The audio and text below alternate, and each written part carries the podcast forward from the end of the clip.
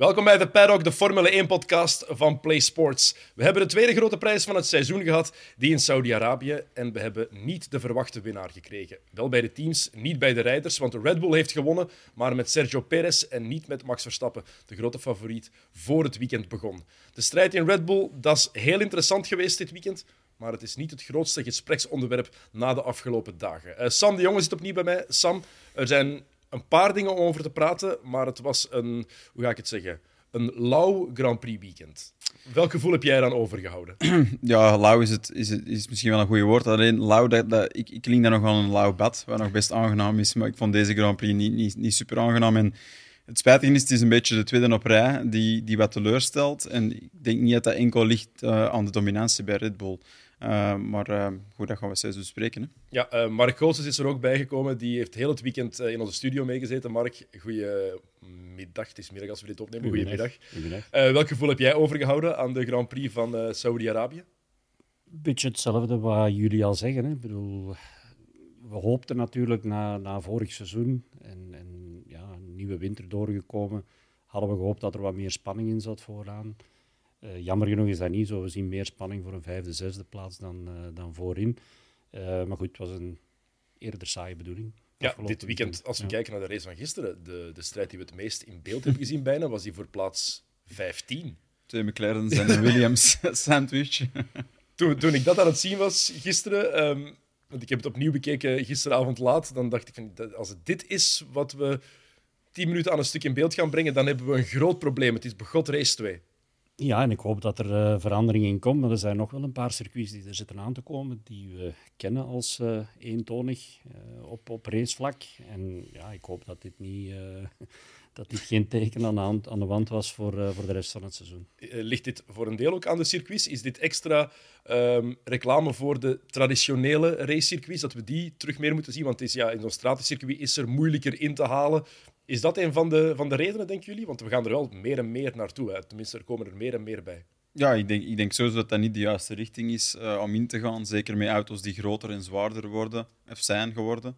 Uh, dan wordt inhalen moeilijker. Er is gewoon dan meer plek voor nodig. En als je dan een circuit gaat waar er minder plek is, dan denk ik dat 1 plus 1 2 is. Dus de 1 moet zich afvragen of dat uiteindelijk gaat werken. Hè. Ik snap wel, ze, ze worden aangetrokken door de nieuwe markten waar veel geld zit. En, uh, maar ze moeten zien dat ze niet naar een Formula E-format gaan van enkel straatcircuits. En er werd pas weer iets aangekondigd in Londen, een plan om het te doen. Uh, in, op straat, ik, ik, weet het niet goed. Is dat, is dat dan waar, waar je naartoe moet met, met een Formule 1 dat zo in de lift zit? Ja, wat, hoe is dat voor de rijders? Wat willen die, denk je? Want jullie, jullie hebben daar genoeg ervaring in. Oké, niet Formule 1, maar in andere categorieën. Is dit waar zij naartoe willen? Zijn zij gelukkig om te zien dat er meer en meer stratencircuits bijkomen? Wat doe je het liefste? Nee, ik denk het niet. Ik denk dat ze eerder houden van de traditionele circuits of de meer modernere circuits, maar, maar wat dat wel ruimte is, dat sowieso. Um, maar er is, ja, er is één grote eigenschap aan, aan heel dat verhaal van de races tegenwoordig. Ze proberen de, de autosport naar het publiek te brengen, ja. omdat ze er niet echt in geslaagd zijn van het publiek naar de autosport te brengen. Dus de, de locaties veranderen en, en ze gaan richting stratencircuits. We zien dat ook in Miami bijvoorbeeld, in Las Vegas. Uh, ja, uh, het is wat het is op, uh, op het moment, maar dat is absoluut niet waar dat het Formule 1-circus naar, uh, naar op zoek was, denk ik. Nochtans zie je in die traditionele circuits, in die traditionele grote prijzen, zie je nogthans wel het volk op afkomen. Hè. Spa zag er vorig jaar goed uit qua volk. Als je kijkt naar Monza, dat is er altijd ja. redelijk tot zeer vol. Dus op zich zou dat toch niet mogen uitmaken? Ik denk dat ze een beetje mikken op een nieuwe generatie fans. Hè. en die moeten ze misschien wel echt letterlijk gaan halen ergens. Ja. Uh, of, of het product naar hun brengen. Dat doen ze toch met Drive to Survive? Daar, daarmee dat brengen een... ze het product al naar die nieuwe fans. Ja, dat is een heel goed middel om ze te bereiken. Maar om ze te doen betalen is misschien nog iets anders. En ik denk dat ze daarom zeggen van oké, okay, laten we het spektakel tot bij hem brengen. Dan wordt die drempel veel lager. Plots, ah, dat is in onze eigen stad. Gaan we toch niet eens gaan met een groep vrienden. Ook al kost het zoveel. Ja, of kost het zoveel. Want natuurlijk, als je het van zo dichtbij volgt met Drive to Survive, dan wil het sowieso eens in het echt ook zien. Toch nog een andere ervaring. En ik denk dat ze daarop spelen. Ik denk dat klassieke circuits, omdat, omdat autosport toch een, een specifiek wereldje is, voor ons is dat heel normaal om er naartoe te gaan. Wij zitten er elke week. Maar voor normale mensen die dat nu pas volgen naar een circuit gaan, dat is toch een aparte belevenis. Dat is, hoe geraakte daar? Dat is eigenlijk ik, een beetje ik snap het wel, want een ik vreemde ben vroeger, wereld. Ik ben niet opgegroeid in een autosportfamilie. Dus wij zijn daar nooit naartoe gegaan, maar daar is ook nooit over gedacht. Want wij keken dat af en toe wel, maar dat is, die, die Voilà. reflex is er nooit geweest van... gaan we eens naar Francorchamps gaan? Dat zat daar Nee, niet maar in. ik denk dat dat bij de, bij de fans wel zo is. En, en de jongere generatie, de- ja. Ja. de echte me- mensen die het van thuis uit hebben meegekregen, dan Ja. wel, denk ik. Maar dan nog, eh, de dag van vandaag, de prijzen die je betaalt voor een ticket Ja. en, en hoe lang op voorhand je ze ook al moet vastleggen, want het is heel snel uitverkocht, hè. zeker op circuits zoals Zandvoort, Spa, eh, Silverstone. Ja, dat zijn De helft van de tickets hè. die worden al gekocht door Nederlanders. Dus je moet sowieso, sowieso Maar het is wel zijn. zo. Sinds ik het op de voet ben beginnen volgen, ja, dan wil je zelf ook gaan. En dan kijk je naar die prijzen en denk je... "Poh, in de zetel is ook niet zo slecht. Ja. Want het is wel En- echt heel duur. Ja, en je ziet ook veel. Hè. Als je tegenwoordig naar tv kijkt, zie, Ja. je, zie je meer dan, dan ginds ter plekke. Maar goed, om de sfeer op te snuiven is nog altijd iets anders als je naast het circuit zit. Natuurlijk. En die motoren gewoon alleen al horen. Het echt horen. Ja, en Dat, dat, is, dat, is niet te vergelijken met iets anders. dat is dan eigenlijk nog niet zo mooi in vergelijking met wat het vroeger was.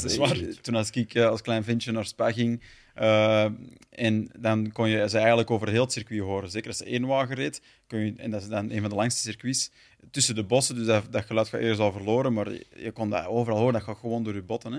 echt door je lichaam. Dus dat is veranderd, eh, maar goed, voor de nieuwe F1-fan maakt dat misschien niet heel veel, heel veel uit. Die hebben geen referentiekader op dat vlak, dus... Wat wel het, het coole is aan die stratencircuits en wat we ook gezien hebben in Jeddah de afgelopen dagen, zo'n kwalificatierondje, om dat mee te volgen, dat is wel indrukwekkend. Het is zo razendsnel. Ja. En je voelt die snelheid ook. Als je die onboardcam ziet, je voelt die ook effectief. Maar dat is inderdaad iets wat je krijgt op dat soort circuits. Ja. Het is een stratencircuit, maar aan heel hoge snelheden. Ja, en ze gaan rakelings langs die muren, heel veel blinde bochten. Dat, dat heb je dan weer niet op de traditionele circuits. Dus dat wordt op deze circuits natuurlijk wel weer meer uitgelokt. Ja, de race zelf dan, eh, van gisteren. Het grootste gespreksonderwerp is niet de strijd voor de eerste plaats of het, eh, de strijd binnen Red Bull, maar het is eh, de klucht. Want we moeten, we moeten negatief beginnen. Het is niet met volle goesting, maar het moet wel. Maar het is weer een klucht van eh, de FIA. Ja, ik denk dat er een aantal eh, social media managers met de handen in hun haar zaten. Die hebben gisteren foto's gepost en er weer af moeten halen en terug erop moeten zetten. Ja, want Fernando Alonso die wordt derde. Ja, Meer dan terecht wordt hij derde. Hij had een eh, straf gekregen omdat hij zijn wagen niet goed bij de start had gezet. Daar wil ik zo meteen nog wel iets over vragen, hoe dat kan. begot kan, twee weken op rij.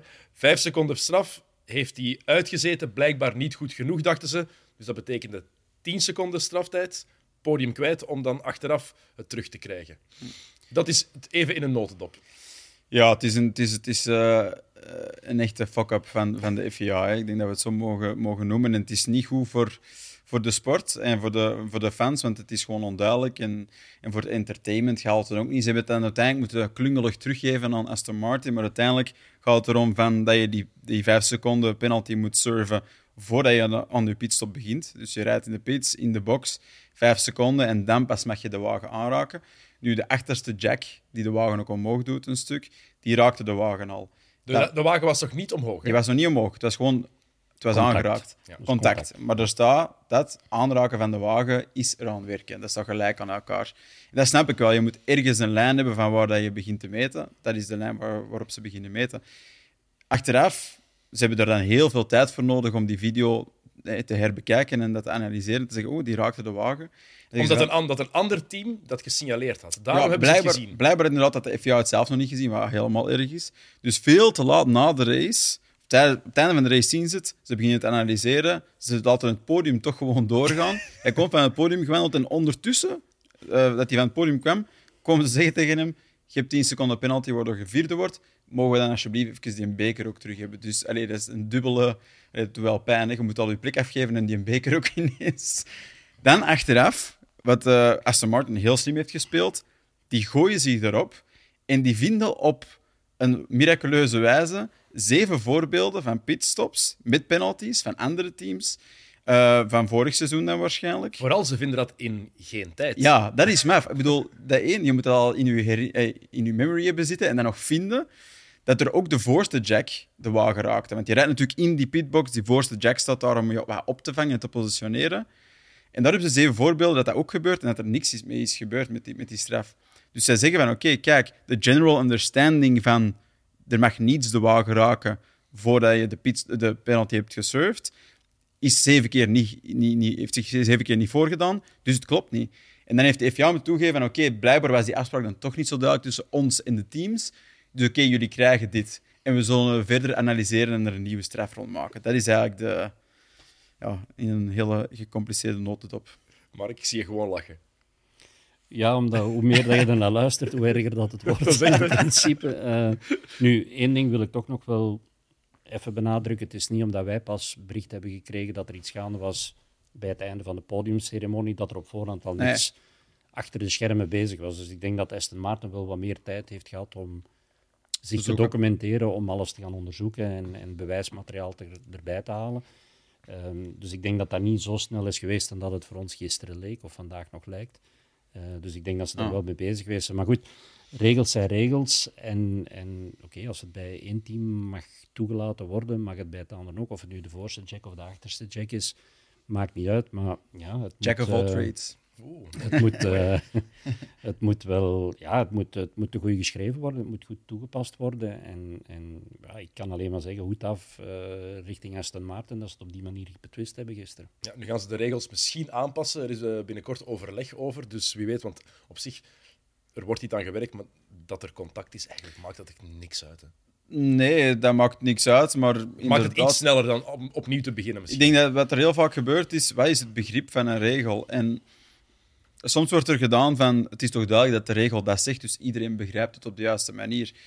Maar dat is denk ik niet hoe regels moeten werken. Het moet zo duidelijk zijn dat er geen, dat er geen verschillende eh, eh, eh, interpretatie kan zijn door teams. En dat is wat er nu heel vaak gebeurt. Hè. We hebben dat al nog gezien met verschillende straffen. Van, ja, maar wij hebben het zo geïnterpreteerd.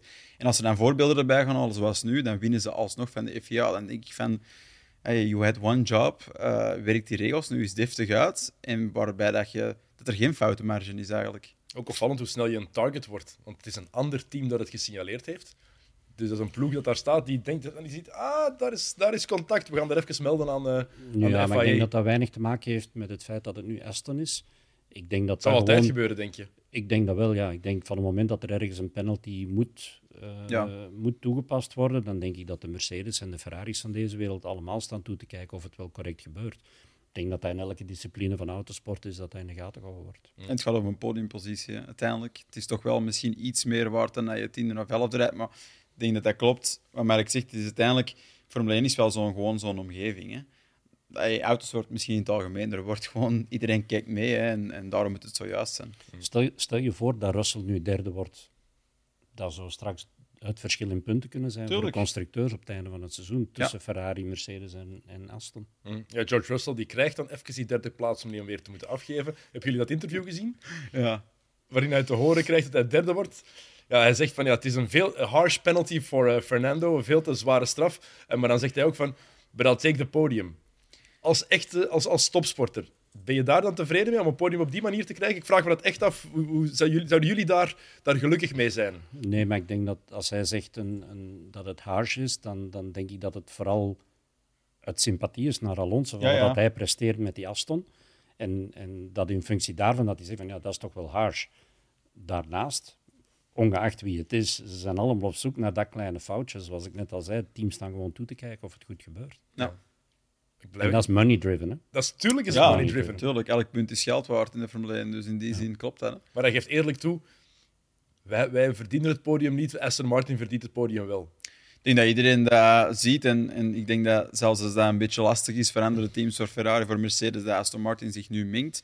Langs de andere kant dwingt dat ook gewoon wel respect af. Want iedereen weet hoe moeilijk het is om daar te komen. Absoluut. Iedereen weet dat ze veel geld kunnen investeren in een project. Ik bedoel, met die budgetcap is dat vastgelegd.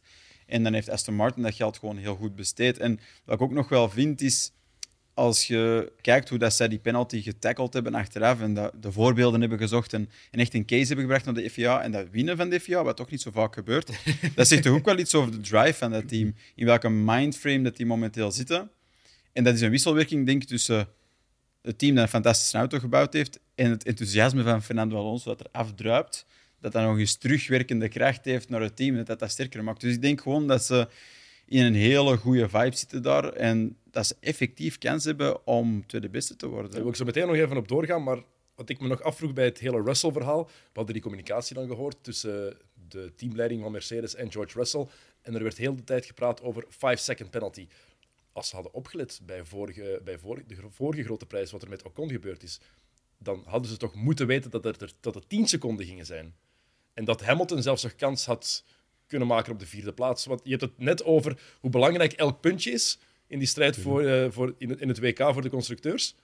Dat, dat- daar schrok ik wel een beetje van. Maar ik denk, heel het verhaal gisteren met Alonso, met die startprocedure.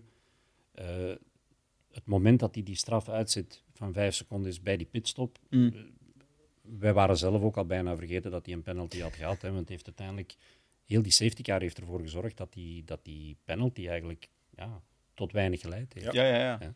Dus je zou dan bijna kunnen zeggen, van er is een fout gebeurd bij de pitstop. Niet bij de straf uitzetten, maar bij de pitstop, waardoor dat hij vijf seconden gaat krijgen. Dus ik denk dat de verwarring eerder in die richting is. Ja. Ja. Ja. Eh, hoe kan het dat, al, dat we tweede grote prijs op rij een wagen zien die niet in het vak staat? Is dat nu echt zo moeilijk te zien vanuit die wagen? Ik denk dat... Want er- we zien dat niet vaak Nee, nee. gebeuren, hè? daarom. het, is, het is effectief moeilijk. En eigenlijk, als je naar die gridslot rijdt, kan je het zien. Omdat het op afstand is. Maar vanuit een Formule 1-auto of vanuit eender welke eenzitter, hetgeen dat je van de voorste banden ziet, is enkel het topje. Hè? Dus dat is hoe laag dat je zit. En als je rechtdoor zou kijken, kijk je los op je stuur. Je kijkt altijd iets hoger en dan kijk je in de verte. Dat is nu eenmaal zo bij die auto's. Waarom? Als je naar iets kijkt, voordat je het weet, zit er al. Dus je moet niet vlak voor je kunnen zien. Je ziet je voorvleugel ook niet, je ziet je neus niet. Dus dat is heel moeilijk. Dus je komt op de grid gereden, je ziet je vak en je, je mikt daartussen. Maar eens dat je daar zij, zie je die lijnen ook niet meer. Hè. Dus dat is effectief wel een moeilijkheid. Maar in zo'n hoogtechnologische sport als de Formule 1 zou het toch moeten lukken om dat juist te krijgen. Dus ik denk, ik denk dat dat een stuk een menselijke fout is. Een beetje excitement. Ja. Ik volg voor een stuk wat je zegt, Sam, in die positionering dat je niet goed ziet. Maar dan denk ik dat het vooral is in hoeveel millimeters of centimeters kan ik nog vooruit of niet. Maar Wat is de winst? Ik denk in de breedte. Als je, dat is als je op voorhand al door die vakken begint te rijden, dan sta je op de juiste breedte. Het is wel zo dat de, de auto achter Alonso, die ziet heel goed dat, dat, zijn, sorry, dat zijn auto buiten het vak staat. En ja, hij gaat er zelf wel in staan. Dus eh, dat, dat kan je... Dat is juist. Ik, ik, ik vind de afstand naar voor en achter is heel moeilijk Die van te Ocon was, ja, die van Ocon was eigenlijk logischer, die fout. Ja. Want hij was Ja, inderdaad... Dat is inderdaad, dat gaat over centimeters. Maar ja, dat is, dat is weer zo'n stuk van hoe ver moet je daarin gaan? Ik bedoel, wat maken die, wat maken die laatste vijf... Dat maakt misschien wel uit dat je iets probeert in bocht 1. Maar ik denk, om op uw vraag te antwoorden, hoe kan dat? Ik denk dat dat een stuk, dat dat gewoon een menselijk iets is. Hè? Ja, ja dat, is, dat is absoluut een menselijk iets. Maar, maar ja. Want het, het is ook Je niet, verwacht het niet op dat niveau. Ook, Nee, het het is was- ook niet dat hij er net uit stond. Hè? Nee, nee, Het was stond er wel een groot stuk, daarom. Ja, ja. Ja. Het was heel duidelijk zichtbaar, er was weinig discussie mogelijk. Ik vond het heel, vooral iemand als Alonso. Ja. Daar verwacht ik dat helemaal niet van. Dat, beetje als, na- als Lance Stroll het zou doen, dan zouden we allemaal zeggen: ah ja, tuurlijk, Lance Die loopt altijd naast zijn schoenen, dus ook eh naast kan ook naar zijn vak rijden. Ehm, positief dan wel, Fernando Alonso, los van dat foutje, is nu derde ehm, gebleven. Dus ik zal het zo noemen. Ja, die mens ziet het leven weer graag. Hè. Oh, die is gelukkig. die is zo Ja, gelukkig. maar terecht. En, en- Ja. maar, maar nog maar eens, Ja. hè, iedereen gunt het hem ook. Hè, dat- als je op die leeftijd eh, die prestaties nog neerzet. Iedereen vond het jammer dat hij zijn derde plek kwijt was. Niemand vond het jammer dat Stroll is uitgevallen. Maar zelfs Ook bij de andere Aston teams Klopt. vonden ze het jammer voor Fernando Alonso dat hij Ja, zijn derde daarom. plek kwijt Ja, was. ja, ik. podium. Ja. Eh, dat, dat is natuurlijk iets redelijk. Als honderdste dan weer terug negen. 99. Weer terug 100. Ja, daarmee, Ja, Ze hebben foto's gepost van dat honderdste, direct de visuals, de Formule 1 had dat gemaakt. Dan er terug af moeten nemen. Ondertussen had Russell zijn een foto gepost met een beker. Die heeft hem ook terug eraf moeten halen. Dus op Instagram en zo was het wel interessant. Zeker. Maar eh, ja, Aston Martin, ze hebben het daar juist. Oké, Lance Stroll die valt inderdaad uit. Weet je wel wat het probleem was bij Stroll? Eh, energy recovery issue. Dus eh, er is iets, ja, niet heel duidelijk. Wij dachten dat het echt een motor was die was opgeblazen. Dat leek even met, met een paar witte rookpluimen. Niet heel veel. Gelukkig voor hen is, is, is het niet dat. Maar het wijst wel een beetje op een onbetrouwbaarheid. Dat we ook bij Red Bull hebben gezien. We zien bij Ferrari dingen gebeuren, meer dingen gebeuren. Ehm, ja, het is het begin van het seizoen. Snapten jullie die safety car eigenlijk bij Stroll? Want hij valt uit en hij parkeert zijn wagen daar super netjes. Was dat nodig? Goh, achteraf gezien, waar, dat die, waar dat die, die auto kon parkeren, was het misschien niet nodig. Anderzijds, ja, Is dat niet timing? ja dat is Zo net timing, denk ik. Want stel je nu voor dat die, dat die, die auto probeert in die opening van de pitmuur er tussendoor te sturen, dat het net niet lukt en dat een van de marshals die auto moet gaan duwen en er gebeurt dan op die plek iets. Ja, Ja, dat, wil je nooit, eh, dat wil je nooit zien. Dus ik denk dat het inderdaad... De manier waarop het in beeld kwam, was het timing gewijs. De beslissing komt er uit, uit, uit respect voor de marshals en, en de veiligheid van de marshals. Zeker voor het onzekere ja, nemen. absoluut. het brengt ons wel een interessantere race. Ja, absoluut. Dat is daar zouden de Red Bulls nooit onderling beginnen vechten, ook niet. Nee, dat is waar. Ehm Aston Martin, je zei het daarnet al, Sam. Ja, het kan zomaar dat het op één na beste team niet wordt, maar gewoon is op dit moment. Ja, Want ze zijn echt, het is echt wel een indrukwekkende wagen in de eerste twee eh, grote prijzen die we gezien hebben. Ach, het is gewoon een hele, hele, hele goede wagen. En Fernando Alonso, dat is toch wel iemand dat ik kan beoordelen. We kennen hem, hij is een beetje iemand van lage laagtes en hoge hoogtes. Dus hij is nu heel enthousiast. Maar oké, je kan dat ook wel analyseren op basis van onboards. En, en als er gepusht wordt in dit circuit, vond ik dat heel goed de verhoudingen liet zien tussen wagens. Hè. Die, die Red Bull is gewoon ongelooflijk om naar te kijken langs de buitenkant, maar ook de onboards. Er zijn niet heel veel correcties. De Ferrari is het tegenovergestelde. En Carlos Sainz zie je onzeker rondrijden. Eh, als je tegen 260, 70 soms eh, rond de hoek draait en hoopt dat die auto niet in de betonnen muur slaagt, dan is dat ook wel heel logisch als rijder. Maar die, die voelt zich daar niet heel goed. Lewis Hamilton een beetje hetzelfde. Maar die Aston Martin, die staat redelijk op rails. Die, die komt het dichtste bij hoe de Red Bull zich gedraagt. En ja, dan heb je de tweede beste auto. En wat ik nog interessant vind eraan ook, is dat je zou toch wel kunnen concluderen dat Red Bull in die, eh, in die curve van development veel verder staat. Hè. Die hebben verder gegaan op een concept dat redelijk goed was vorig jaar. Kampioen mee geworden. En dat hebben ze gefine-tuned. En Aston Martin zit eigenlijk nog in de volledige groei ervan. Dus dat zou zelfs kunnen dat de gap die redelijk groot is tussen die twee teams, dat die nog wel kleiner wordt. Ja, we zijn hier nou wel van, van nul begonnen. Want vorig jaar, het is niet dat hun wagen zo sterk was. Hè. We hebben ze dan gewoon net gevonden wat er vorig jaar echt niet goed was. En dat zo snel aangepast voor, eh, voor dit jaar. Dat voor een stuk. En ik denk dat het vooral de mensen zijn die er zijn bijgekomen. Hè. De, de Ja. afgelopen eh, twee jaar hebben ze heel veel gewerkt aan, aan het bouwen van, van een nieuw team. Er zijn gewoon achter de schermen heel veel nieuwe mensen bijgekomen. De Maarten Wittekers van deze wereld, eh, dat zijn mensen die een pak ervaring hebben. Die weten hoe ze de juiste persoon op de juiste plek moeten sturen.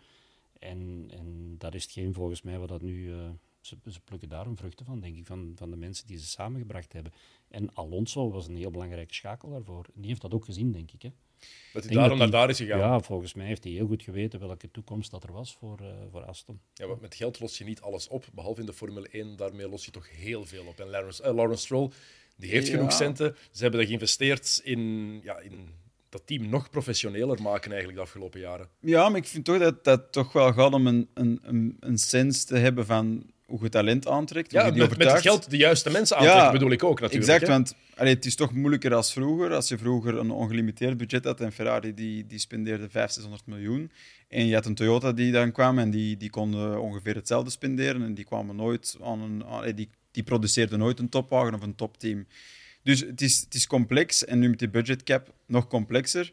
Maar ik denk dat wat Lawrence Stroll wel heel goed kan, is misschien soms op een overdreven manier mensen echt over, over, overtuigen van een punt. En, da- en daar helpen veel centen ook bij. Daar helpen centen, Ja, maar ook wel zo. overtuigingskracht Absoluut, en ja, ja. visie. En ik denk wel dat, daar gaan we het misschien zelfs nog over hebben, maar als je naar McLaren kijkt, daar is er ook een visie. Maar is die duidelijk? Ik, ik weet niet of die heel duidelijk is. Bij Aston Martin denk ik dat Lawrence Stroll zegt, wij worden, of wij willen meedoen voor het kampioenschap binnen de x aantal jaar. Dat is een heel duidelijk doel. En we gaan dat zo, zo, zo doen. En ik vind het wel indrukwekkend dat dat tot nu toe lukt, die timing. Ja, het is... Dat klopt, hè. dat is 100% wat dat er aan het gebeuren is. Het gaat niet alleen over hoeveel geld is er, want bij McLaren zit ook geld. Hè. Daar mag Ja. je zeker van zijn. Maar het gaat erover welke persoonlijkheden krijg je bij elkaar en waar wordt het geld uitgegeven. Hoe je dat is gebruikt. het belangrijkste. Ja. Ja, absoluut. Ehm, Red Bull dan, de sterkste wagen. Want voor we het gaan hebben over de, de inner team battle, hè, de, de strijd die daar aan het ontstaan is. Ja. Het is, er is niets te doen aan deze wagen. Hè. Wat, een, wat een kanon, wat een raket. Ik, denk dat ze, ik denk dat ze bij Red Bull staan waar dat Mercedes een aantal jaren stond. eh, een paar jaar geleden toch. En waar dat zelfs in de jaren negentig, in de tijd van de actieve ophanging, de Williams stond in vergelijking met, eh, met de Ja. andere teams. Eh, ik bedoel, hoe makkelijk was het toen voor Nigel Mansell om, om een wereldtitel te pakken? Eh, zo makkelijk was het voor Lewis Hamilton een aantal jaren en wordt het nu voor Verstappen waarschijnlijk. Misschien Perez, we gaan nog afwachten. Ehm, maar, maar goed, ik denk dat dat altijd bestaan heeft. En om dan even terug te komen op Aston Martin, hoe dat zij nu in verhouding met Red Bull staan, lijkt mij een beetje op hoe dat Red Bull tegenover Mercedes stond een aantal jaren geleden. Ja. Dus ik denk dat, eh, dat Aston absoluut wel een mooie toekomst heeft. Lewis Hamilton is het daar niet mee eens. Hè? Die vindt de, de Red Bull zo eh, dominant, zo'n dominante wagen hebben wij nooit gehad. Ik vind dat wel uitspraken die. ah, ik vind dat wel controversieel, omdat langs de ene kant roep je altijd op om online ook vriendelijk tegen elkaar te blijven. En langs de andere kant geef je mensen dan zoveel om mee te smijten en mee te slaan. En dat, dat mag geen motivatie zijn, maar moet je zo'n uitspraak doen Maar doet hij dat ook niet vooral om om zichzelf in te dekken? in te dekken langs Ja, één maar- kant, maar ook te zeggen van kijk eens, mijn wereldtitels zijn wel veel waard. Maar is dat dat, is de kritiek die hij toch gekregen heeft. Ja. Het is te gemakkelijk gegaan voor Hamilton al die jaren. Zou het daar ook niet een beetje om, om, om te doen zijn bij hem? Ik vind dat gewoon niet geloofwaardig. Ik weet niet of ik de enige ben die dat Het vindt. is totaal niet geloofwaardig. Allee, sorry, maar als je zoiets zegt nadat je zelf zoveel jaren het makkelijker hebt gehad, ik weet niet dat je dan de persoon moet zijn om die opmerking te geven. Het is ook gewoon niet waar. Hè? Het is zeker niet waar. Hè? Nee. Het, en dan zit er nog eens een heel groot verschil, is dat Perez nu nog in de buurt komt van Verstappen. Dat heeft, eh, dat heeft Hamilton destijds niet gehad. Nee, eh, één jaartje. Hè? Ja, Tja, één jaar. En van dan de nog. YouTuber, hè? How can I make this about Oh, me? Wat had, wat had hij weer gepost? Uit een, uit een post gedaan. We hebben het over Nico Rosberg. Ja, over Nico Rosberg, als dat nog niet duidelijk was. Ehm, De YouTuber, dat is Nico Rosberg. Die had een foto gepost van zichzelf voor de wagen van Alonso in de pits voor de race. En hij had gezegd van, ik zal maar geen selfies meer posten, want ik wou dat Alonso won vandaag. Dus ja, ik zal, ik zal het maar niet jinxen de volgende keer. Ja, Nico, daar had iedereen wel aan gedacht dat jij het gejinxed had. Is er iemand nog met u bezig, überhaupt? Bedoel, volgens mij maakt hij letterlijk een YouTube-kanaal voor zichzelf en zijn vrouw en dat hij dat s'avonds zelf aan het bekijken zijn of zo. Ik weet het niet, maar... Zou, zou hij dan spijt gehad hebben van zijn pensioen? Ja, als je direct zelf terug in de aandacht wilt komen, dan denk ik van wel, maar hij had het duidelijk ook niet aangedurfd. Dus. Blijf dat trouwens een vreemd verhaal vinden. Je, je wereldtitel Dat- niet verdedigen, dat- dat, dat blijf ik, ook- dat blijf ik raar vinden. Dat blijft ook een raar verhaal, maar hij wist heel goed wat dat er aan de hand was. Hoe dat hij dat jaar heeft kunnen winnen, heeft hij heel goed beseft. En dat was niet op snelheid. Eh, maar goed, ja, dat is verleden tijd. We gaan, niet, we gaan het niet over Rosberg hebben. nee. Eh, Nee. we, krijgen, we krijgen mogelijk wel een soort Hamilton-Rosberg verhaal bij Red Bull. Want je voelt de spanningen die er vorig jaar waren, die zijn nog niet weg. Eh, Gert Vermers die heeft het ook geschreven in het nieuwsblad eigenlijk. Ze zijn hun, ze zijn hun grootste eigen vijand. Of hun eigen grootste vijand. zo Ja, zeker. Dat is, hè. Dat, dat is inderdaad een, een scenario dat dan een beetje lijkt op dat van Mercedes. Hè. Die hadden toen ook eh, veruit de beste wagen en dan kan je het alsnog verknallen voor jezelf. Ik denk dat net zoals de evolutie van de wagen heel constant is geweest bij Red Bull, is die relatie bij, bij Max en, en Perez ook zo verder gegaan. Hè. Er is geen eh, liefde verloren tussen die twee. Checo is a legend. Ja, hè, dat, is al, dat is al lang is al geleden. lang geleden dat is al lang geleden, dat moment. En ik denk dat bij Perez, zolang hij voelt dat hij ergens misschien een kans heeft, moet hij proberen om dat uit te spelen. Ik denk dat hij zelf ook wel weet dat hij de, de mindere piloot is. Ik denk dat heel de wereld dat weet. Ehm, maar alsnog, ja, als, als Verstappen problemen heeft, dan kan hij wel winnen. Hè. Denk je, denk je echt dat Perez dat beseft dat hij de mindere piloot is? Heb je als topsporter niet die Ja. mentaliteit ook van... Ja, misschien als jij objectief nadenkt, maar als, als topsporter denk je toch altijd... Ik ben de beste. Maar ik denk dat hij er alles zal aan doen om het tegendeel te bewijzen. ja, maar ik denk dat hij het wel heel goed snapt. Alleen, moet ik wel zeggen, als een wedstrijden blijft rijden zoals gisteren, dan wordt het een zware klant voor Verstappen. Ja, hij was indrukwekkend, hè? Hij was zeer goed dit weekend, ja. Want Verstappen haalt dan het hele veld in. Hij komt op een seconde of vijf. En dan stelt iedereen zich de vraag: oké, hoeveel rondjes gaat het duren voor hij, voor hij erbij is? ja. is En ik was er ook bij. Hè. Ja, maar hij is niet Ik had ook zoiets Ah, van... mee, of? Nee, ik, was, ik zat naast jou. Ah, vergeet. godverdomme. Eh, nee, maar ik wil maar, ik wil maar zeggen, ik had ook zoiets van, nu gaat die stelselmatig, ronde per ronde, het gaat dicht rijden richting, richting Perez. Dat, dat, Ja. dat was hetgeen dat ik verwacht had. Eh, maar dat lukte niet. Het lukte niet. Het zegt veel over de klasse van Perez. Oké, zo'n stratencircuit ligt hem ook. Rijdt daar graag in Saudi-Arabië. Maar los daarvan, Ja, het is wel iemand die met, eh, met een stuur kan, kan draaien. Ja, absoluut. Hè. En, en, en als we terugkijken naar de tweede piloten binnen Red Bull, is hij momenteel wel misschien wel de meer constante. Misschien de meest constante sinds Daniel Ricciardo. Ehm Ricciardo had meer uitschieters, denk ik. Hè. Maar, maar Perez, die kan wel met een serieus stresslevel rondrijden, denk ik. Dat hebben we gisteren nog eens gezien. Ehm, en ik vind het zeker opvallend, omdat hij in de trainingen best wel wat tekort komt. Om dan in de race het tegendeel te bewijzen, als je weet dat je teamgenoot zo snel is, pff, dat is toch niet gemakkelijk. En dat, Ja. dat managt hij toch wel heel, heel Maar dan komen we terug op de vraag die Dennis daarnet stelde. Is er een verschil? Ja, er is een verschil, want Verstappen kan dat wel. Over dat één rondje dat extra eruit halen, wat dat Perez misschien net niet kan. Maar op race pace denk ik dat ze niet, niet, niet ver uit elkaar zitten. Dan denk ik dat Perez veel dichter bij Verstappen zit dan wat dat in qualifying moet zijn. Ja, want ik, ik zei het ook dat, dat Perez misschien zelf denkt dat hij misschien wel beter is. Omdat ja, veel topsporters hebben die mentaliteit van ik ben de beste. Gewoon puur om jezelf dat mentale voordeel te geven. Maar voorlopig lijkt het mij alsof hij ook effectief gelooft dat hij wereldkampioen mag worden. Ik zeg niet Ja. kunnen, want Hij is in een auto dat kan. hij kan wereldkampioen worden. Maar hij er, een verschil- er is een verschil tussen kunnen en mogen binnen, binnen Red Bull. Ja, maar het zijn de situaties zoals gisteren waar dat je het kan afdwingen. Voilà. De problemen die Verstappen kent in qualifying, Exact. die geven een enorme boost in het zelfvertrouwen van Perez. Want hij start vooraan en Verstappen moet 15e starten. Die heeft eerst nog wel wat job te doen, vooraleer dat hij het vuur aan de schenen van Perez kan leggen. We voelden dan wel wat stress gedurende de wedstrijd. Hè. Op een bepaald moment dat hij zei van, ja, is het echt wel nodig? Moeten we blijven pushen? Eh, kunnen we niet zo de wedstrijd uitrijden? Ja, dat is niet de mentaliteit van Verstappen, sowieso al niet. Dus dat risico kunnen ze niet nemen. Maar, maar tot op dat punt ja, denk ik dat er eh, de- degene die het meeste zelfvertrouwen had, dat was, dat was volgens mij Perez dit weekend. Wat, wat vonden jullie van dat teammanagement van, van Red Bull? Ze laten Verstappen ronde na ronde blijven pushen om dichterbij te komen. Raakt niks dichterbij. En je voelt en je hoorde dat Perez zich daar echt wel drukker en drukker in begon te maken. Maar stel je nu voor dat ze vragen aan Verstappen om het gas te lossen en tweede te finishen achter Perez. Dan Dat denk zit ik, dat niet wij, in- ik denk dat we allemaal het antwoord kennen. Ja, Dus- nee. Dus dat is overbodig, ja, is mijn vraag. ja, dat klopt. Omdat je gewoon weet dat hij toch nee gaat zeggen. Ja, Ik denk, gaat om te winnen. ik denk dat Red Bull heeft gebruik gemaakt van de situatie die zich heeft voorgedaan dit weekend. Verstappen die 15e start, Perez die eerste start. Dus de kans dat Perez wint is groot en hij mag deze hebben, want doorheen het seizoen gaat Verstappen toch nog winnen en, komt hij erover. Snap je? Dus, Dat is zo van, deze mogen jij hebben.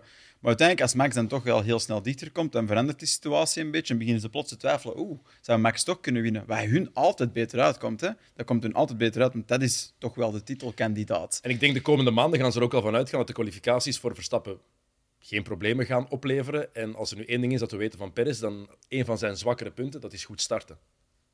Daar Ja, heeft, daar heeft absoluut. Verstappen minder moeite mee. Ja. als ze 1 en 2 starten, Ver- Verstappen heeft daar altijd een voordeel. Ja, is agressiever.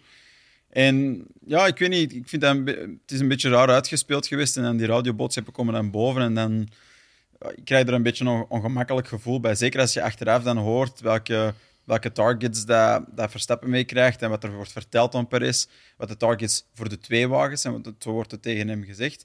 Ah, Je, je rijdt in de eerste positie. Als er dan niet eerlijk wordt gecommuniceerd. Voordat je het weet is Verstappen daar, heeft hij DRS en Pats is er voorbij. Dus ik snap wel dat je een beetje, eh, ik weet niet, in het zak gezet voelt. Jij, jij zou je ook, als je, als je je verplaatst in, in, als je in Perez een plaats zet, dan zou jij je ook even hard opgeboeid hebben, of misschien nog harder. Ik denk dat je toch wel zeker eerlijk moet zijn tegen wie die wedstrijd aan het leiden is. Je kunt moeilijk degene die eerste laten vertragen. Hè? Als de tweede dat ook binnen je team zit wel rapper mag rijden. Dat is letterlijk, dat is letterlijk een cadeau weggeven. En ja, ik bedoel, ik ben er niet verbaasd hoor. Hè. Voor mij is Red Bull eh, een Verstappen-team. hè. Dat is geen, geen Perez-team. hè. Die is er om de punten mee te pakken en, en om te zorgen dat de constructeurskampioenschap, dat ze dat ook winnen enzovoort. het, is meer, het is meer Verstappen Racing dan Red Bull Racing. Maar veel meer. En ik zeg ook niet dat dat helemaal onlogisch is. Dat is de betere piloot. Maar ja, ik hou gewoon niet van dat sfeertje dat er precies altijd zo rondhangt. Nee, want, vinden jullie, want hij is toch voor het snelste rondje gegaan, want dat was ook een heel, hele goede boodschap, vond ik. Ehm, Verstappen vraagt, wat is het snelste rondje? Daar zijn we niet mee bezig op dit moment. Het is niet belangrijk voor ons, Max. Voor mij wel. En je natuurlijk ziet hem trager en trager rijden om dat laatste Het is rondje... een punt, hè? Natuurlijk heeft hij, Tuurlijk. heeft hij een extra punt nu. Daardoor staat hij op kop in het wereldkampioenschap en, en dat bepaalt alles straks. Maar vonden jullie dat niet raar dat het team zei, het is niet belangrijk voor ons, Max? Weet Ik, je, ik snap de Verstappen daar gezegd, helemaal in. de, de vraag die ik me stel is: kijk, ik heb de wedstrijd gevolgd van hieruit en ik zie dan bijvoorbeeld op een bepaald moment begint Perez een beetje stress te krijgen, begint hij over de radio te spreken met zijn team. Op het moment dat hij dat doet, verliest hij twee, drie tot vier tiende per ronde. Verstappen doet net hetzelfde, begint ook te communiceren met zijn team over de situatie op de baan, rijdt twee tot drie tienden eh, trager. Ja. Dus mijn boodschap als team zou zijn: jongens, blijf met die vingers van die knoppen af en rijden. Want je begint allebei tijd te verliezen door te praten over de radio. En ik denk dat dat logisch is, dat kennen we allemaal, dat verhaal. En die boodschap zou ik meegegeven hebben, want ze, ze beginnen elkaar uit te dagen. En daar via radioboodschappen, die uiteindelijk Ja, tot Maar- weinig leiden, vind ik. ja, absoluut. Ik ben het ermee eens. Maar ik vind wel dat Red Bull een heel gevaarlijke situatie creëert op een circuit waar er weinig foutenmarge is. Van geen kader te geven aan hun beide piloten die überhaupt 1 en 2 Ja, rijden. Je geeft geen kader, het is voor hun allebei gokken. Ze gaan allebei risico's pakken. Perez wordt afgeleid, krijgt stress. Verstappen denkt, "Mm, mm, ik kan hier nog iets bewijzen. Wat ook, wat, ook te begrijpen, wat ook te begrijpen is als je Verstappen bent. Maar in een heel slechte situatie loopt dat allebei mis hè, bij beide auto's. Hè. En dan zitten we met nul punten. Dat vind ik wel niet logisch. Dat je, als je zo'n als je zo'n auto produceert, die duidelijk dit jaar spijtig genoeg waarschijnlijk gaat domineren, Ja. vormt dan een kader voor je piloten, waardoor dat er alles wordt meegepakt dat je kunt meepakken. Dat gesprek in de green room achteraf, dat sprak eigenlijk boekdelen. Hè? Ja. Dat was- Verstappen, Verstappen, wat Perez vraagt aan Verstappen, heb je het snelste rondje nog? Ja, op het einde, legt dat even, kort uit. En dan die- vooral de vraag, wat was jouw richttijd die je gekregen had? Was het ook niet, was het 1.33? Was er niet verteld aan jou dat Ja. je het pace moest houden? Zegt Perez letterlijk tegen hem. Hè? En Verstappen zei van ja, maar ik hoorde dat dat een tijd was die we reden. En ik heb maar één tiende rapper gedraaid of zo. En dan was dat de rapste ronde. Eigenlijk eh, reageert Verstappen nog heel diplomatisch, vind ik.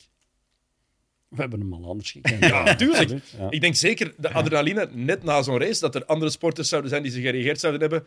Ja, maat, waarom zou ik niet voor dat snelste rondje gaan? Dat ga, dat ga jij niet bepalen. Ik denk dat ze, het, het, het, het doel van die green room is al een beetje voorbijgestreefd, denk ik. Dat was de eerste twee, drie keer leuk. En nu beseffen ze veel te hard dat ze eigenlijk in de ruimte zitten waar iedereen zogezegd mag meeluisteren met de gesprekken die... Oké, maar Die die, we anders maar niet die, zouden maar die horen. vraag van Perez alleen al, dat hij dat durft vragen, Ja. dat vind ik echt wel heel veelzeggend. Perez kiest om hem publiekelijk... Alle registers open te Voilà. trekken. Omdat iedereen weet dat Perez anders toch niet geloofd wordt. Hè? Er wordt altijd de kaart getrokken van Verstappen binnen dat team. Dus hij kiest van, ik zal hem hier eens voor heel, heel de wereld even op zijn plek zitten. Gelukt, hè. Ja. Dus ja, het is wel in ieder geval pittig. Ja, gelukt. Ik, be- zie- bekijk jij het echt zo als, eh, als Verstappen op zijn plek zetten? Nee, maar gelukt als in, nu weet iedereen Voilà, dat nu ermee komt. Die info Ja. is er. De info is er. Anders horen we alleen maar wat dat zij willen communiceren, Voilà. wat dat er achter de Press schermen release. gezegd wordt. Maar toen hij die vraag stelde en ik, ik zag dat, mijn eerste redenering was: wat had je nu verwacht, Checo? Ja, is- maar ik denk niet dat dat de insteek van zijn vraag was.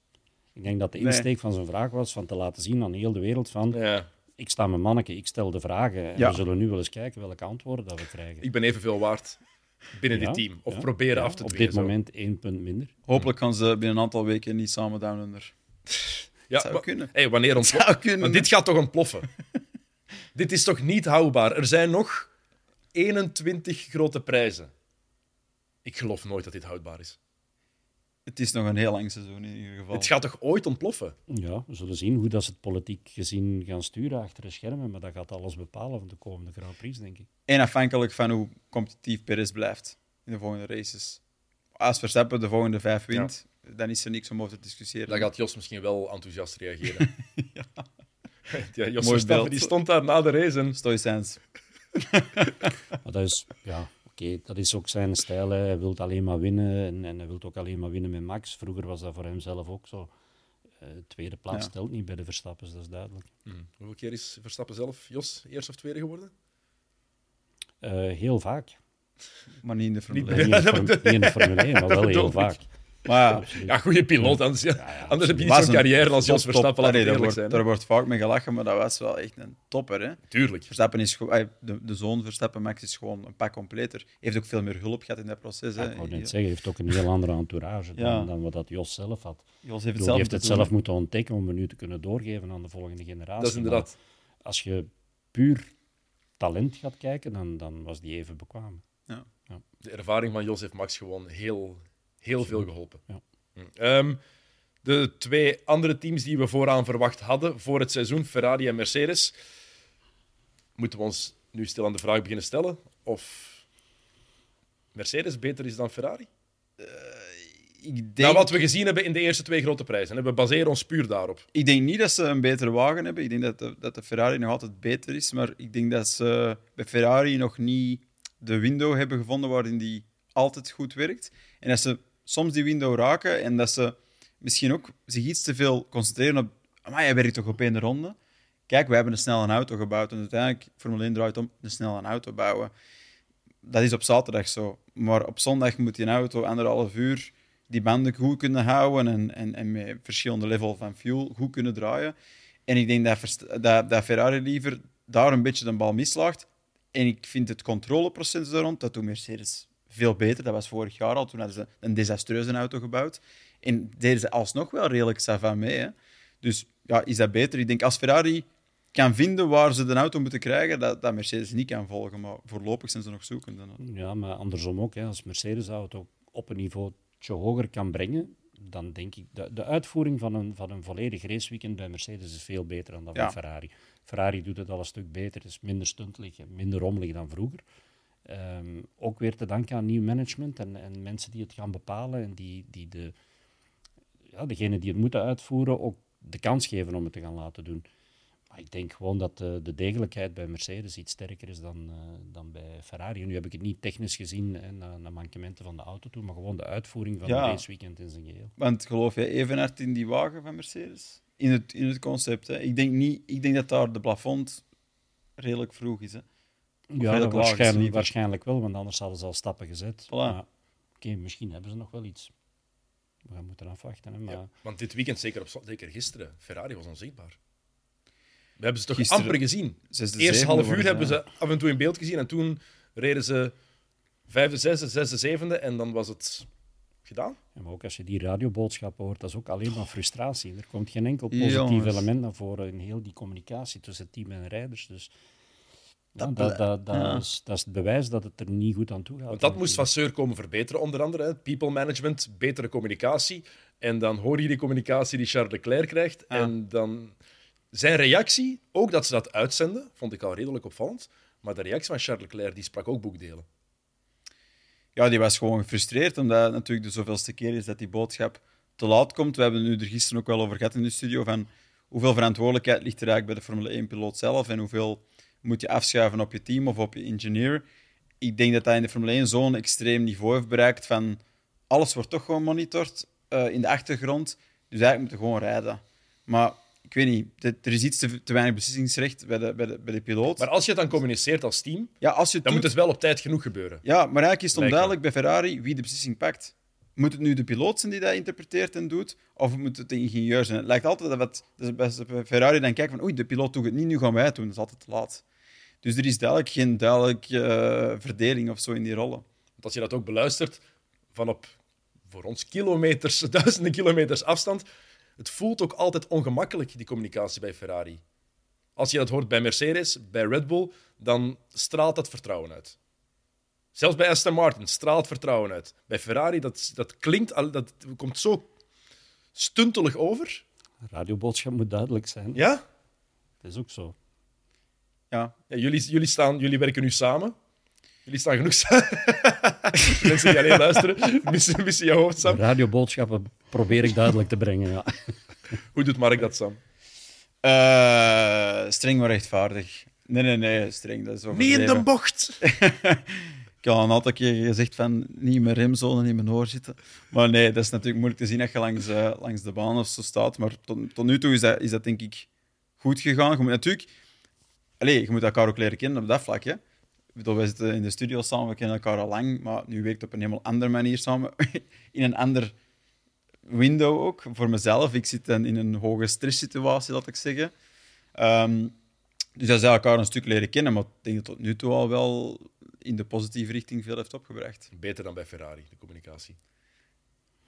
Ik denk dat de communicatie tussen ons eh, op dit moment heel goed zit. Hè. Het is zoals Sam zegt, je moet, je moet elkaar leren aanvoelen en weten waar dat de, de positieve punten zitten, waar de negatievere punten zitten. Het negatievere, zeg ik dan wel, hè, want het zijn de minder goede punten die je moet proberen bijsturen. Mm. Eh, maar ik denk dat Sam zelf ook heel goed van zichzelf weet waar zijn positieve punten zitten, wat zijn sterkte is en waar dat we nog kunnen sleutelen aan, aan verbeteringen. Maar ik denk dat dat, dat, dat op dit moment heel goed, heel goed vlot en, en dat we op dezelfde lijn zitten op dat vlak. Ja, absoluut. Eh, Ferrari-Mercedes, waar gaan deze twee ploegen naartoe dit jaar? Kunnen jullie daar al, durven jullie daar een uitspraak over doen? Het is heel vroeg, ik weet het. We hebben weinig om op terug te vallen, maar Ik, ik zou durven gokken op Ferrari, die, die toch nog wel wat stappen pakt. Frederik Masseur, die daar het team nog wat kan veranderen. Eh, de mensen wat kan kneden. En dat die dus wel eh, derde worden in het kampioenschap. Derde beste auto, dat denk ik. Dat, is hoop ik ergens. dat, is- dat is een derde... ja, dat is niet goed dat is genoeg, een teleurstelling voor Ferrari, hè? Maar ik denk dat we al wel geestablished hebben dat Red Bull onaantastbaar is op dit moment. Ja, Mark, wat denk jij? Red Bull, Mark, ben je, ben je er? Red Bull sowieso boven alles. En dan wordt het inderdaad volgens mij eerst en vooral Aston Martin die teksten in de Ja. buurt gaan komen. Maar ik zou toch nog altijd durven wedden op Mercedes voor Ferrari. En het voordeel bij Mercedes is ook, ze hebben die open brief nu geschreven naar hun, naar hun supporters toe. Daarmee hebben ze zich gigantisch ingedekt. Als ze nu derde zouden worden, of wie weet nog tweede, dan is dat een verrassing. Kijk, we hebben, we hebben onszelf overtroffen. Als het minder is van, We hadden het in het begin Ja, van het seizoen gezegd. Geen enkel beter We, nu. we wisten, het kan alleen maar beter gaan. Door die brief alleen al hebben ze toch een gigantische paraplu opengetrokken. Ja, natuurlijk, maar ook voor Ferrari kan het alleen maar beter gaan. Ja. Die hebben die een brief niet geschreven, daar is minder communicatie rond geweest. Ik denk dat het was slecht Mercedes- geschreven, ze konden hem eigenlijk gewoon niet lezen. bij, bij Mercedes was het meer een reactie, denk ik, op hetgeen dat Hamilton zei. Ik denk dat daar In de. BBC-podcast. Ja, Ja, ik denk dat dat juist is. Dat is gewoon een Eh, reactie. had, ja. had Hamilton die uitspraak niet gedaan, dan denk ik dat die reactie van Mercedes er ook niet had gekomen. Hadden zich niet moeten eh, indekken. Nee, voilà. Ja. En, ik, en ik denk dat zij heel goed be- zich- van zichzelf bewust zijn dat ze niet staan waar ze moeten staan. Ferrari ook niet. En nogmaals, ik denk dat het, het, het verhaal van het compleet zijn als team en twee heel sterke rijders die, die heel veel zelfvertrouwen hebben als het over hun eigen prestaties gaat, Mhm. dan denk ik dat Mercedes misschien iets sterker staat dan Ferrari. Ja, daar ben ik het wel mee eens. Eh, de losers van het weekend, die zijn er ook. En de In de grootste, Formule 1? Ah, ja. op andere vlakken ook waarschijnlijk, Sam. Eh, de grootste losers, denk ik, moet eerlijk zeggen, reden in een oranje wagen rond. McLaren. Ja, die hebben geen makkelijk seizoen. eh, maar degene die mij het meeste tegenvalt in heel dat verhaal is Norris. Mij, mij Eh, ook. Piastri die, die laat heel, heel duidelijk zien Sterke dat hij als indruk, nieuwe, als nieuwe rijder in zeer moeilijke omstandigheden, eh Lando Norris, die ja, ongeveer iedereen achter zich had eh, in de paddock, door hetgeen dat hij de voorbije jaren heeft gedaan. Eh, maar wat Piastri nu laat Amai. zien eh, in verhouding met Norris vind ik wel heel sterk. is niet onder de indruk van Norris. Terwijl het de duidelijke nummer 1 was en Piastri. Die dat konden we ook al ergens weten na wat hij vorig jaar heeft gedaan met, met Alpine, die beslissing die hij genomen heeft. Dat hij Hij is heel cool, be- hè? een beetje zero fucks given heeft. Hij is echt heel cool, hè? En eh, een beetje Kimi-vibes. Allee, niet... Kimi heeft zijn eigen manier, maar zelfs in In interviews... de, in de wagen bedoel je? in de wagen, maar ook, ook gewoon... eh, Hoe hij wordt gechallenged in interviews, hij blijft zo kalm alsof het hem niks doet. En, en je ziet wel, hij is een beetje onwennig. Hij staat de eerste keer voor, voor heel de wereld te praten, maar ik vind dat hij dat zo rustig doet. Die weet volgens mij heel goed wat hij zelf kan. Die heeft zoiets van, ik heb, ik heb een beetje tijd om dat te laten zien. En als het nu al komt... Allee, Norris die maakt niet zomaar fouten, hè. Norris die maakt fouten omdat hij onzeker begint te worden. Ja, omdat hem onder druk staat Voilà. van, van een niet-Engelsman binnen een Engels team tegen een Engelse rijder. Ja. Het is gewoon dat is een heel moeilijke taak. En dat ik vind dat Piastri het heel goed doet. Ja. Zeker. Maar de McLaren als wagen is wel niet goed genoeg. En ik vind het wel heel Ja. opvallend. Zach Brown die pakt over. Het team gaat in een negatieve spiraal. Niet per se door hem, want dat gebeurt niet van de ene dag op de andere. Dat is een werk van lange adem als het slechter begint te gaan. Hij krijgt die even weer op de rails. Je lijkt, McLaren is daar weer. En nu zijn ze weer, weer bij af. Is dat, niet, is dat zijn verantwoordelijkheid of hoe zien jullie dat? Ik weet niet of dat alleen zijn verantwoordelijkheid is, maar dat is het typische voorbeeld van het geld op de verkeerde plek spenderen Mm. en, en de verkeerde mensen aan het roer zetten. Ehm, ik, ik denk dat dat ook een, gewoon een combinatie is van, van, van een aantal dingen die ervoor zorgen dat ze nu staan waar dat ze staan. Mm. Ehm, en dat is nu juist het spel dat Aston Martin heel goed heeft gespeeld en wat McLaren heel slecht speelt. Wat vinden jullie van... Ja, ik denk, om nog even iets over McLaren te zeggen, ik denk wel, ze hebben de slechtste seizoenstart sinds 2017. Wat een slecht jaar was, dat weten we. Ehm, ik denk wel dat dat niet, in de eerlijke analyse niet helemaal klopt. eh, in de zin van, als je naar Piastri kijkt, die, die was negende, achtste gekwalificeerd, zeker? Eh, Q3 gehaald. eh Dat straf was, dat was heel sterk, absoluut. Heel sterk. Maar ook op dat circuit met die wagen, dat betekent dat die auto wel iets eh, goed heeft. En ik denk dat die opening lap met die aanrijding en dan die vleugel beschadigd en dat stuk vliegt dan blijkbaar tegen de auto van Lando Norris, die ook wordt beschadigd. Dus ze komen daar op een heel ongelukkige positie te zitten in de race. Ik denk niet dat dat heel representatief is. Ik denk wel dat ze zitten rond 10, 11. Dat is niet goed genoeg. Maar het is ook niet Alfa niveau. Nee, want de kwalificatie van, van Norris die was meteen in de problemen, omdat hij die muur daar even aantikte. Eigenlijk was hij gewoon meteen voorbij. Dus hij heeft nooit kunnen laten zien wat hij op één rondje uit die wagen kon halen. Het is, een, het is een stomme fout. Ik zou dat geen domme fout noemen. Je zit op een straatcircuit waar je pusht met een auto die je niet fantastisch voelt. En je twijfelt een beetje. En dan die druk van Piastri speelt in je hoofd. En je probeert er iets te veel uit te halen. Dat is het meestal. Hè. Je pusht te ver en dat is wanneer je fouten maakt. Het is opvallend.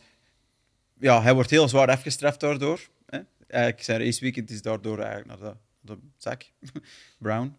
Eh, ehm, maar ik denk wel dat McLaren nog iets beter kan doen. Ze. Ja. Oké, eh, Alfa Tauri, je hebt het net al genoemd. Daar is letterlijk geen vertrouwen. Frans Toost heeft het zo uitgesproken. Ik heb geen vertrouwen in mijn eh, ingenieurs. Harde woorden. Misschien... Zo'n Ja. toastcannibal. Sorry. Verloren Opeten van het eigen, eigen talent. Ja, dat zijn, heel, dat zijn inderdaad heel, heel straffe uitspraken, vind ik dan. Ehm, maar ja, goed, we zien het ook. Hè. We zien het ook gewoon op circuit gebeuren. Hè. Er, Ja. er is, er is ja, Ja. op geen enkel moment nog... Er is geen enkel moment geweest tot hiertoe dat je zegt van... Ah, nu komen ze een beetje in de buurt van wat dat ze moeten zitten. Het, het, het gebeurt gewoon niet. Leuk begin voor Nick Williams niveau op dit moment. hè. Leuk begin voor Nick de Vries. Van zijn volledige, van Ja. zijn eerste echte Ja. Formule 1 seizoen. Mij. Ja, zeker na de Ja, prestatie dat hij vorig jaar in een andere auto neerzet, eh, is dit wel, wel bedroevend.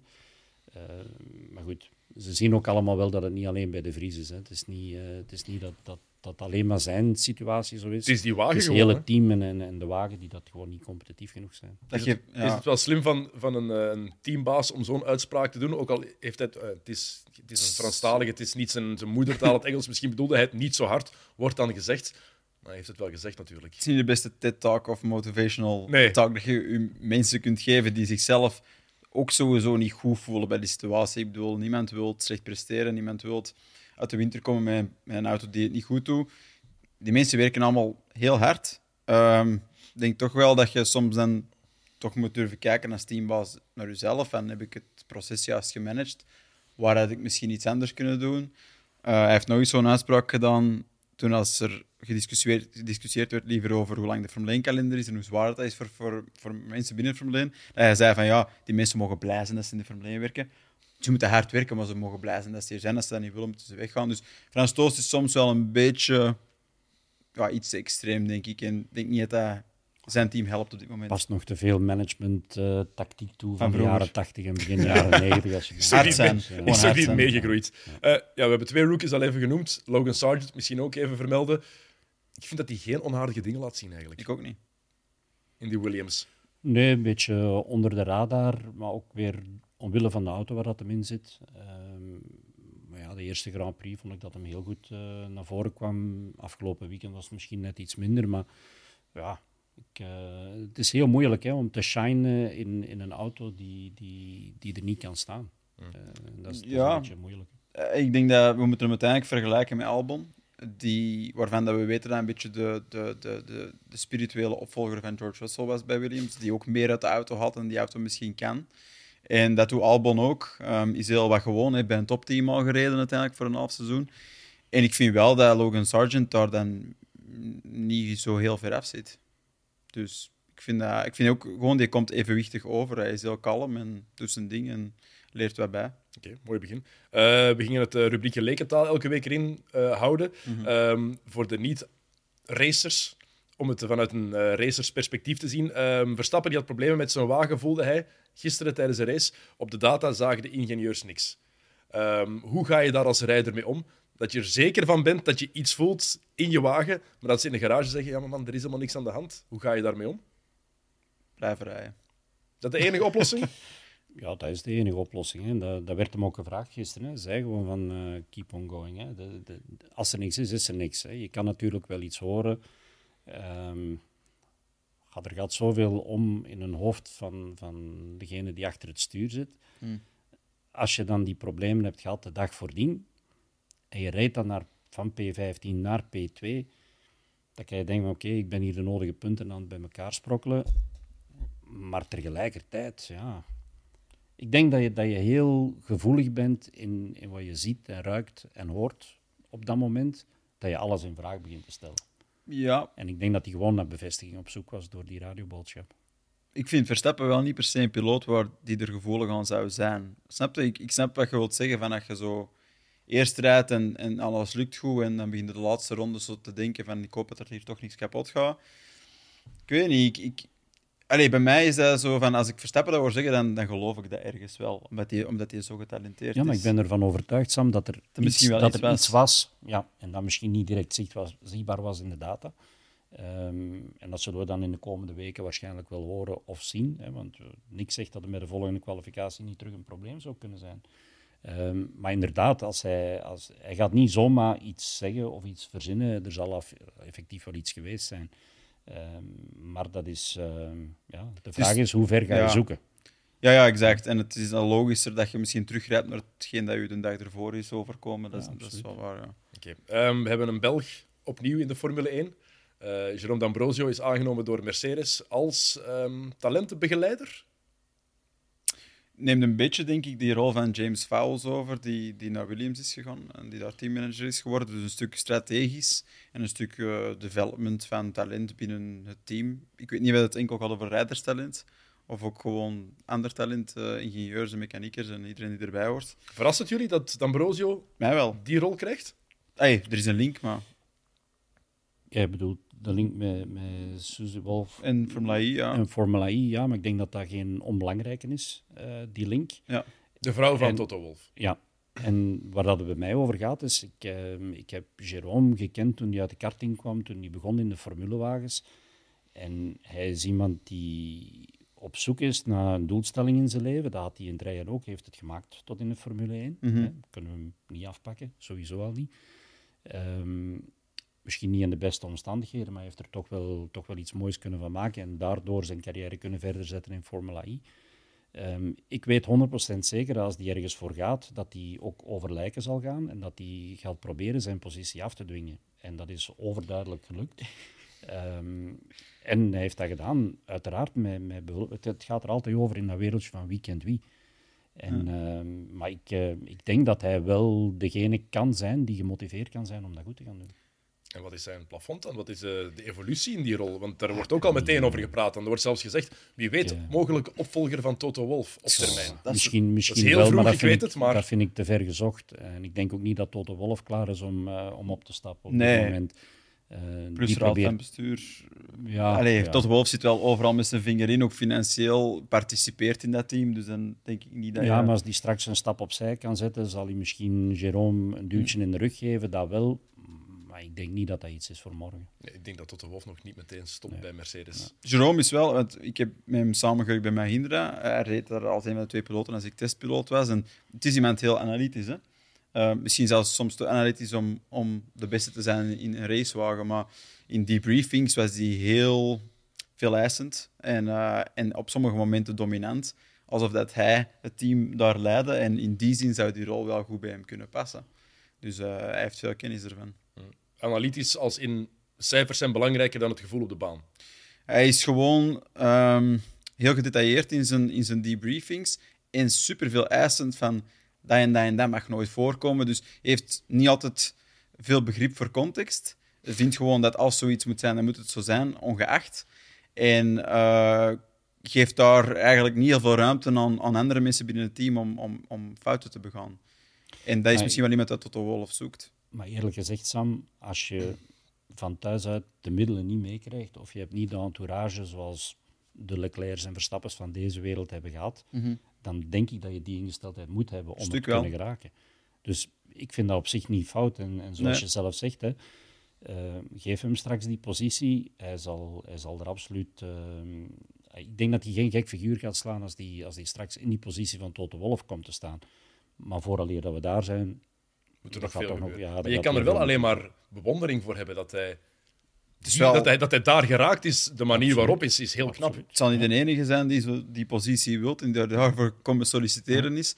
Hij heeft verlaten als piloot, heeft dat team gaan leiden, Venturi, die slecht presteerde en zijn tweede geworden in het kampioenschap. Dat doet hij ook niet zomaar. Dus hij heeft eigenlijk een inzicht van waarom talent moet zitten binnen een team en dat zal Toto Wolff hebben overtuigd.